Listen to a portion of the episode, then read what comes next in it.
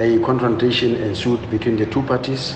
It is alleged that a the firearm was discharged, injuring one of the truck drivers who was immediately rushed to the hospital for medical attention.